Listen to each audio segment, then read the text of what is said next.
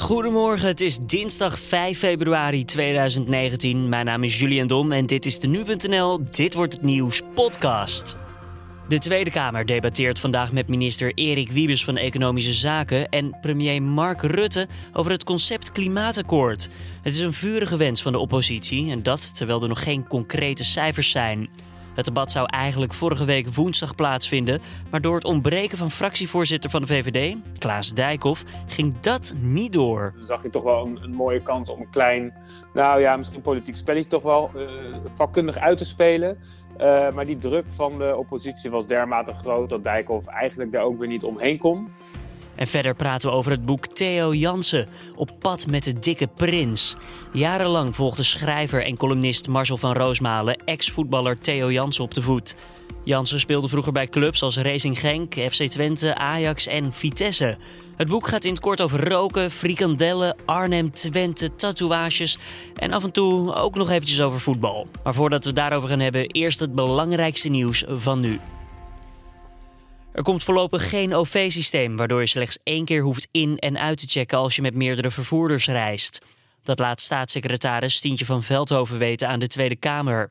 De invoering van zo'n systeem zou namelijk te duur zijn.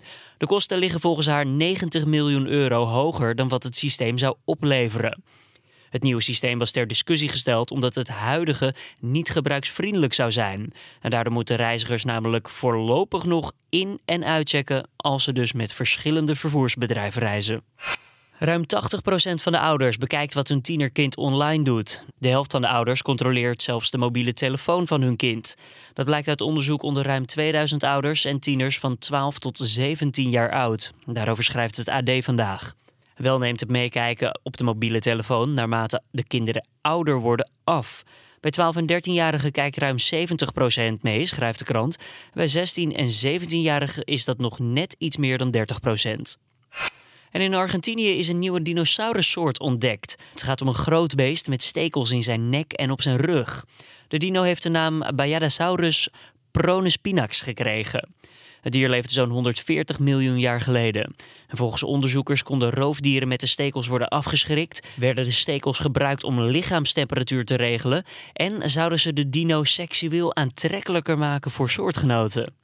Zeker een derde van het ijs in het Hindu Kush-gebergte en het Himalaya-gebergte zal in het jaar 2100 verdwenen zijn. Zo staat in een rapport dat maandag is gepubliceerd. Mocht er helemaal niks gebeuren aan het terugdringen van de uitstoot van CO2 en de aarde daardoor 4 tot 5 graden opwarmt, dan zal in het jaar 2100 zelfs twee derde van het ijs in de Aziatische gebergtes gesmolten zijn.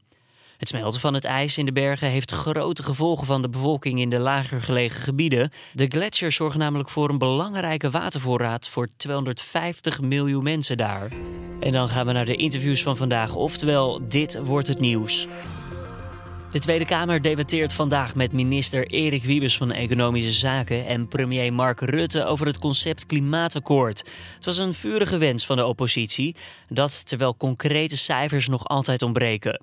Het debat zou eigenlijk vorige week woensdag al plaatsvinden, maar toen was de VVD-fractievoorzitter Klaas Dijkhoff er niet bij. Dat zorgde nogal voor problemen. Je hoort Carne van der Brink met politiek verslaggever Edo van der Goot. Nou, vorige week stond het inderdaad op de Kameragenda. Uh, bij aanvang van het debat zag je gelijk eigenlijk al oppositieleden met elkaar een beetje smoezen tussen de bankjes door. Vlak voordat het begon. Dus iedereen had al zoiets van wat is hier aan de hand. Uh, en toen het uh, debat op het punt stond om te beginnen, de minister, klimaatminister Erik Wiebes en premier Mark Rutte, die, die waren al gearriveerd. Uh, was het verzoek van uh, veel oppositieleden om de VVD-leider of VVD-fractieleider, moet ik zeggen, Klaas Dijkhoff uh, bij het debat te halen.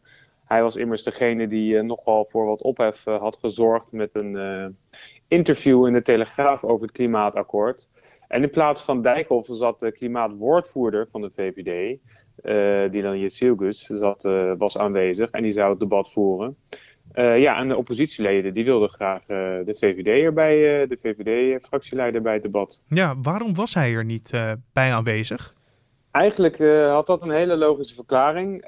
hij stond simpelweg niet op de, de sprekerslijst. dat had de oppositie ook wel kunnen weten, enerzijds. Want die sprekerslijst is gewoon bekend.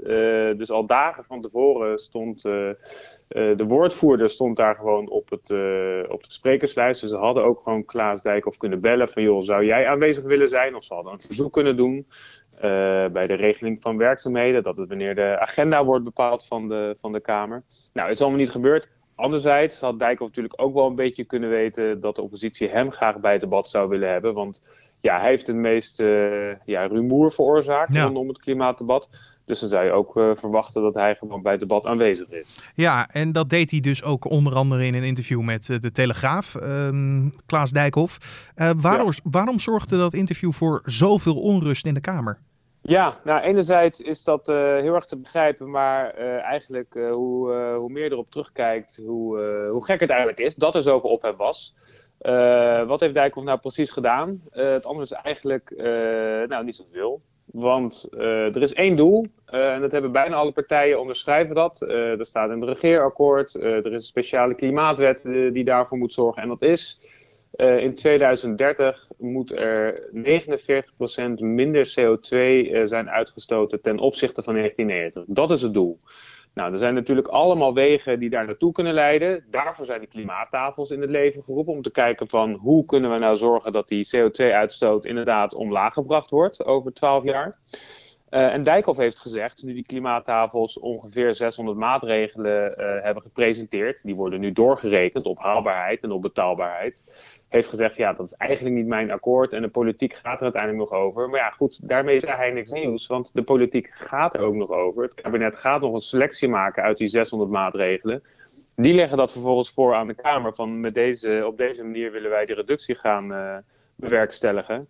Ja, en Dijkhoff eigenlijk gewoon heel veel lawaai gemaakt. Ja. Uh, zonder dat hij echt heeft gezegd van ik hou me niet aan de afspraak. Sterker nog, hij heeft echt moeten bevestigen. En nogmaals, uh, dat heeft hij ook gedaan. Uh, heeft hij nogmaals bevestigd dat hij zich gewoon aan de afspraak houdt, namelijk 49% CO2-uitstoot minder. Maar dat is dan toch wel gek dat hij dan nu heeft besloten om vandaag dan wel bij het debat aanwezig te zijn? Ja, nou aan de andere kant, de druk, uh, ook, al, ook al was de oppositie, uh, zag je toch wel een, een, mooie kans om een klein, nou ja, misschien politiek spelletje toch wel uh, vakkundig uit te spelen.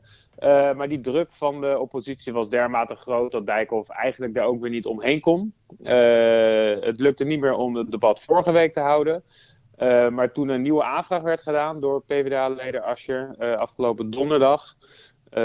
ja, toen zei Dijkhoff, nee, daar, dat is prima. Nee. Ik ben wel bij dat debat. En dat geldt ook voor Sibrand Buma van het CDA en Rob van D66. Uh, en Gert-Jan Serres zal er ook bij zijn. Dus ja. het wordt een fractieleidersdebat, zoals ze dat dan zeggen. Wat kunnen we verder inhoudelijk verwachten van het klimaatakkoorddebat? Ja, nou dat is, dat is een, op zich wel een aparte, aparte gewaarwording zal dat worden. Want bij elke concrete vraag van hoe gaan we dit nou fixen met z'n allen, van de oppositie of van de coalitie, zal worden gezegd van ja, wij weten de doorrekeningen weten we nog niet. Die komen pas op 13 maart, worden die uh, gestuurd naar de Tweede Kamer. Uh, dat zal een bulk van cijfers en uh, ja, rapporten, rapporten zijn om te laten zien wat er nou allemaal oplevert, hè, die klimaatplannen. Dus ja, er zal veel worden verwezen naar het resultaat van, van de planbureaus, van de rekenmeesters. Ja, en verder zal elke partij uh, ja, een soort van herhalen, een ja. herhaling van zetten eigenlijk, van uh, hoe zij het liefst willen, hoe, hoe het wordt betaald. En iedereen is het over eens, iedereen moet het kunnen betalen. er zal geen partij zijn die zegt van ik wil dat mensen failliet gaan vanwege de energietransitie. Dus iedereen zal hetzelfde roepen. Uh, maar je kunt je voorstellen dat de linkse partijen wellicht uh, iets meer drukken op het feit dat uh, de bedrijven wat meer moeten betalen. Precies. En de rechtse partijen, onder andere de VVD, die zal zeggen van ja, wij willen best de bedrijven laten betalen. Dat doen we ook al. Die betalen al iets meer dan wat, ze, wat ze vervuilen. Uh, alleen, uh, we willen ook voor zorgen dat die bedrijven in Nederland blijven. En niet dat ze als over kop naar België of Duitsland of een ander Europees land vertrekken. Omdat het daar goedkoper is. omdat er hier ja, te veel worden aangeslagen voor de CO2-uitstoot. Dus die zullen zeggen van ja, wij, wij staan voor banen, voor innovatie en iedereen moet het kunnen betalen. Dus mm -hmm. dat, dat zal een beetje die strijd worden. Dat was politiek verslaggever Edo van der Goot. Jarenlang volgde schrijver en columnist Marcel van Roosmalen ex-voetballer Theo Jansen op de voet. Jansen speelde vroeger bij clubs als Racing Genk, FC Twente, Ajax en Vitesse. Het schrijven van dit boek over de voetbalcarrière van Jansen verliep niet geheel soepel. Eerder nogal atypisch eigenlijk. Marcel van Roosmalen op pad met de dikke prins gaat over roken, frikandellen, Arnhem, Twente, tatoeages en zelfs over kots in een handtasje. Ja, het is nog vroeg op de ochtend. En af en toe komt er ook iets over voetbal voorbij. Dat is als we althans een beetje de achterklap in dit boek geloven. Mijn collega Carne van der Brink ging in gesprek met de schrijver Marcel van Roosmalen. Want een boek schrijven over Theo Jansen. Wist hij van tevoren eigenlijk wel waar hij aan begon? Nou ja, eigenlijk wel. Ik ken hem, ik ken hem al een jaar of twaalf, dertien geloof ik. En het, het, was me vanaf het begin al helemaal duidelijk uh, waaraan het, waaraan het uh, begon. Valt het niet min toch nog tegen. Je denkt, nou goed, hij, vraagt mij zelf om een boek te schrijven. Dus ik dacht, nou ja goed, wellicht heeft hij wat, wat, meer zin dan normaal. Dat was ook wel zo, maar na één keer, na één ontmoeting was dat toch ook wel minder. En toen zaten we soms echt wel tegenover elkaar met lichte tegenzin. Ja, want waarom vroeg hij u om een boek te schrijven over zichzelf? Nou, omdat die eerdere boeken was hij goed uitgekomen als een soort cultheld. En hij houdt niet van geslijm. En hij wist wel dat er met mij afspraken te maken waren als hij zei van niks over mijn privéleven, dat ik dat niet zou doen. En dat ik, eh, omdat hij zelf vond dat hij weinig te melden had, dacht hij, nou ja, dat randgebeuren uitvergroot is met hem wel, bij hem wel een goede handen. Maar dat klopt. Ja, u zegt de eerste ontmoeting viel eigenlijk daarna al gelijk tegen. Hoe zag het ja. schrijfproces van dit boek eruit? Spraken jullie elkaar vaak of uh, bent u andere nou, voetballers spraken... gaan interviewen? Nee, ik ben geen andere voetballers gaan interviewen. Dat wilde hij wel, maar dat kende ik wel uit het verleden. Die zeggen toch alleen maar uh, hele positieve dingen. Uh, nee, we spraken eens per week af. Dan gingen we tegenover elkaar zitten. En dan duurde het zolang hij zin had. Vaak kwam hij in, het begin was het in de zomer, dan kwam hij aanrijden op een scooter, vaak met een korte broek aan. Dan plofte die op het terras. En die zei, ja, vraag maar. En uh, nou ja, een beetje onorthodox. Dus dan stelde hij wat vragen en dan begon hij te zuchten en te steunen. Wat een gelul, dan heb je het boek nou nog niet af. En ik probeerde iedere keer uh, er wat beweging in te krijgen door bijvoorbeeld naar België te gaan. Of nou ja, langzamerhand lukte het bijvoorbeeld om ons in de stad te verplaatsen. Dus we zijn op andere terrassen gaan zitten. We zijn een paar keer door de stad gewandeld.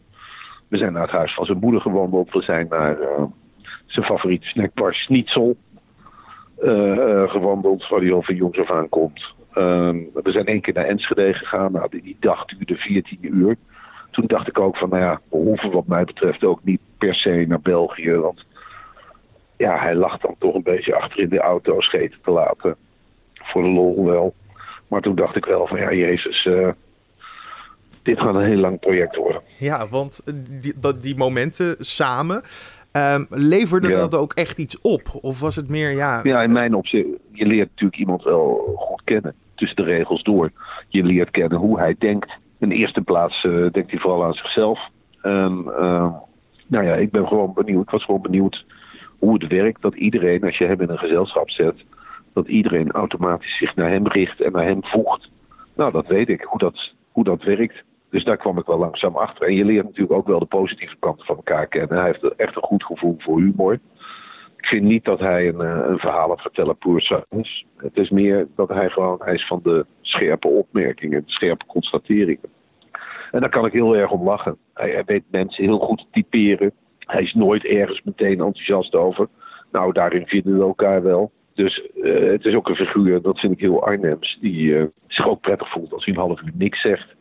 Maar voor een boek zei ik ook op een zeker moment, uh, ja, als we nou ook nog eens niks tegen elkaar gaan zeggen, dan schiet het niet op. Nou, dat begreep hij dan ook wel. Hoewel hij het ook mijn probleem vond. Kijk, ik denk ook dat er natuurlijk 100% gekeken wordt naar de voetballer Theo Jansen. Uh, ik ja. lees in de verschillende interviews ook over dat er echt wordt ingezoomd op de ex-voetballer, de mens Theo Jansen. Uh, we weten. Theo Jansen als voetballer getalenteerd. Misschien niet het alles uit zijn carrière gehaald wat erin zat. Uh, maar hoe zou u Theo Jansen als mens, als ex-voetballer omschrijven? Nou, toch wel hetzelfde als de voetballer Theo Jansen. Want als mens is hij niet zoveel veranderd. Dus ik zou hem omschrijven als... Uh, het is niet makkelijk om bevriend te raken met Theo Jansen. Hij houdt mensen op een afstand. Hij houdt niet van verplichtingen. Dus hij vindt dat hij zelf nul verplichtingen heeft naar andere mensen toe maakt hem heel grappig. Maar, en, maar ook een beetje moeilijk om echt bevriend met hem te raken. Hij vindt bijvoorbeeld dat hij het recht heeft dat niemand op hem mag rekenen. Dus als iemand jarig is, moet je niet rekenen dat Theo komt. Dat, zo zit hij in elkaar. Hij wil geen verwachtingspatroon. Maar iedereen die hem leert kennen, heeft een verwachtingspatroon. Ik had ook een verwachtingspatroon. Ik denk van ja, uh, jij vraagt mij om een boek te schrijven, dan verwacht ik dat je ook levert. En dat is uiteindelijk wel gebeurd, maar het is niet vanzelfsprekend dat dat bij hem gebeurt. Hij staat op het standpunt, als ik vandaag ergens zin in heb, kan ik er morgen geen zin in hebben en dan doe ik het niet. Was dat voor u ook even een moment dat u misschien moest terugschakelen of dat u ervan geschrokken ja, was? Nou, geschrokken. Ik, wist dus al hoe die in elkaar zat. Dus echt schrikken doe je niet. Het kan wel Sommige dingen vallen ook weer mee als hij ergens zin in heeft. Zoals nu, nu het boek af is, in de, in de boekpromotie, heeft hij verrassend veel zin. Hij, hij zegt dan wel, de interviews hoeven dan niet zozeer. Het, het signeren misschien. Uh, nou, inmiddels is het zo. Uh, vanavond hebben we die boekpresentatie in Luxor. die is totaal uit de hand gelopen. Er dreigen nu 700 mensen te komen. Ehm, de burgemeester van Arnhem heeft zich nu ook gemeld. Die komt het eerste exemplaar in ontvangst nemen. Terwijl het eigenlijk Theo's bedoeling was om het eerste exemplaar in het publiek te flikkeren, zoals hij het zegt. Maar goed, dat zal dan het tweede exemplaar worden. Dus uh, heel veel mensen willen een stukje Theo Jansen in hun leven. Ze willen eigenlijk zo zijn als hij. Ja, de, de, op, de dikke prins. Op pad met de dikke prins las ik als titel. Ja. Ik ben sowieso benieuwd. Hoe kwamen jullie op die geweldige titel? Nou ja, we noemden hem altijd al de prins als journalisten die rondom Vitesse hingen. Omdat hij precies vanwege dit gedrag, dat hij uh, alles draait om hem hij bepaalt. En Dick is vanwege zijn uh, postuur, hij is wat dikker geworden. Uh, die twee bij elkaar gekoppeld uh, is, maakt de dikke prins. Precies, 1 in 1 is 2. en, 1 dus, in 1 is 2. Ja, vandaag dus die boekpresentatie in Luxor Live te Arnhem. wat kunnen de mensen die daar naartoe gaan verwachten? Wat, wat kunnen ze verwachten? Nou, allereerst een optreden van Joey Hartkamp. Dat is een zanger. Was dat een wens van u? Van hem. Nee, van Theo. Uh, Wilfried de Jong interviewt ons alle twee. Herman Koch, ook een Arnhemmer van geboorte, komt een column voorlezen. Eva Hoeken, de bekende columniste van Volkskrant Magazine, komt ook een column voorlezen. Ik lees een stukje voor over Theo, een stukje uit het boek. Helene Hendricks presenteert het. Uh, nou, iedereen krijgt de mogelijkheid mij en Theo of met Theo alleen op de foto te gaan. Er worden frikandellen uitgedeeld, er is bier. En er is uh. Juist, ja. Schrijver en columnist Marcel van Roosmalen was dat in gesprek met Carné van der Brink over het boek Theo Jansen op pad met de dikke prins. Denk jij nou, wat een held die Theo Jansen of van wat is dit voor figuur? Je maakt kans op het boek. Stuur even een mailtje naar podcast.nu.nl en laat weten waarom jij dat boek in je huis wil hebben. Vrijdag krijgt de winnaar van ons bericht. Dan nog even het weer deze dinsdag. Het is vandaag half tot zwaar bewolkt, met de meeste kans op zon in het noorden van het land. Het blijft overwegend droog en verder is het zacht met een maximum van 7 graden. Er staat een zuidwestenwind, die is meestal matig, een kracht 3 of 4. Baby,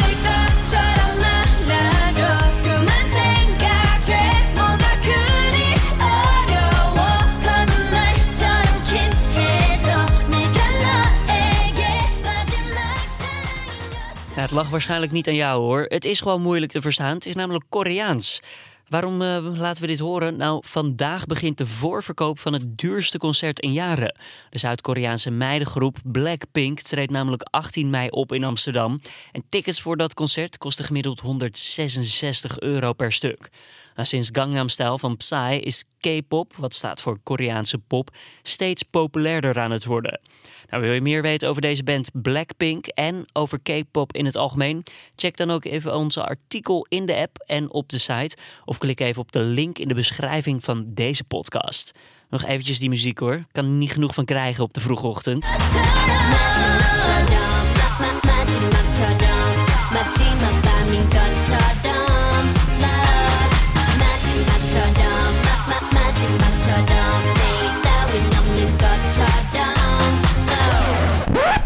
Oké, oké. Nou, dit was dan de Dit Wordt Nieuws podcast van deze dinsdag 5 februari. Je vindt de podcast maandag tot en met vrijdag om 6 uur ochtends op nu.nl. Wat vond je van de uitzending? Laat het ons even weten via podcast.nu.nl of laat een reactie achter in een van je eigen favoriete podcast apps. Mijn naam is Julian Dom. Voor nu een hele goede dinsdag en ik spreek je morgen weer.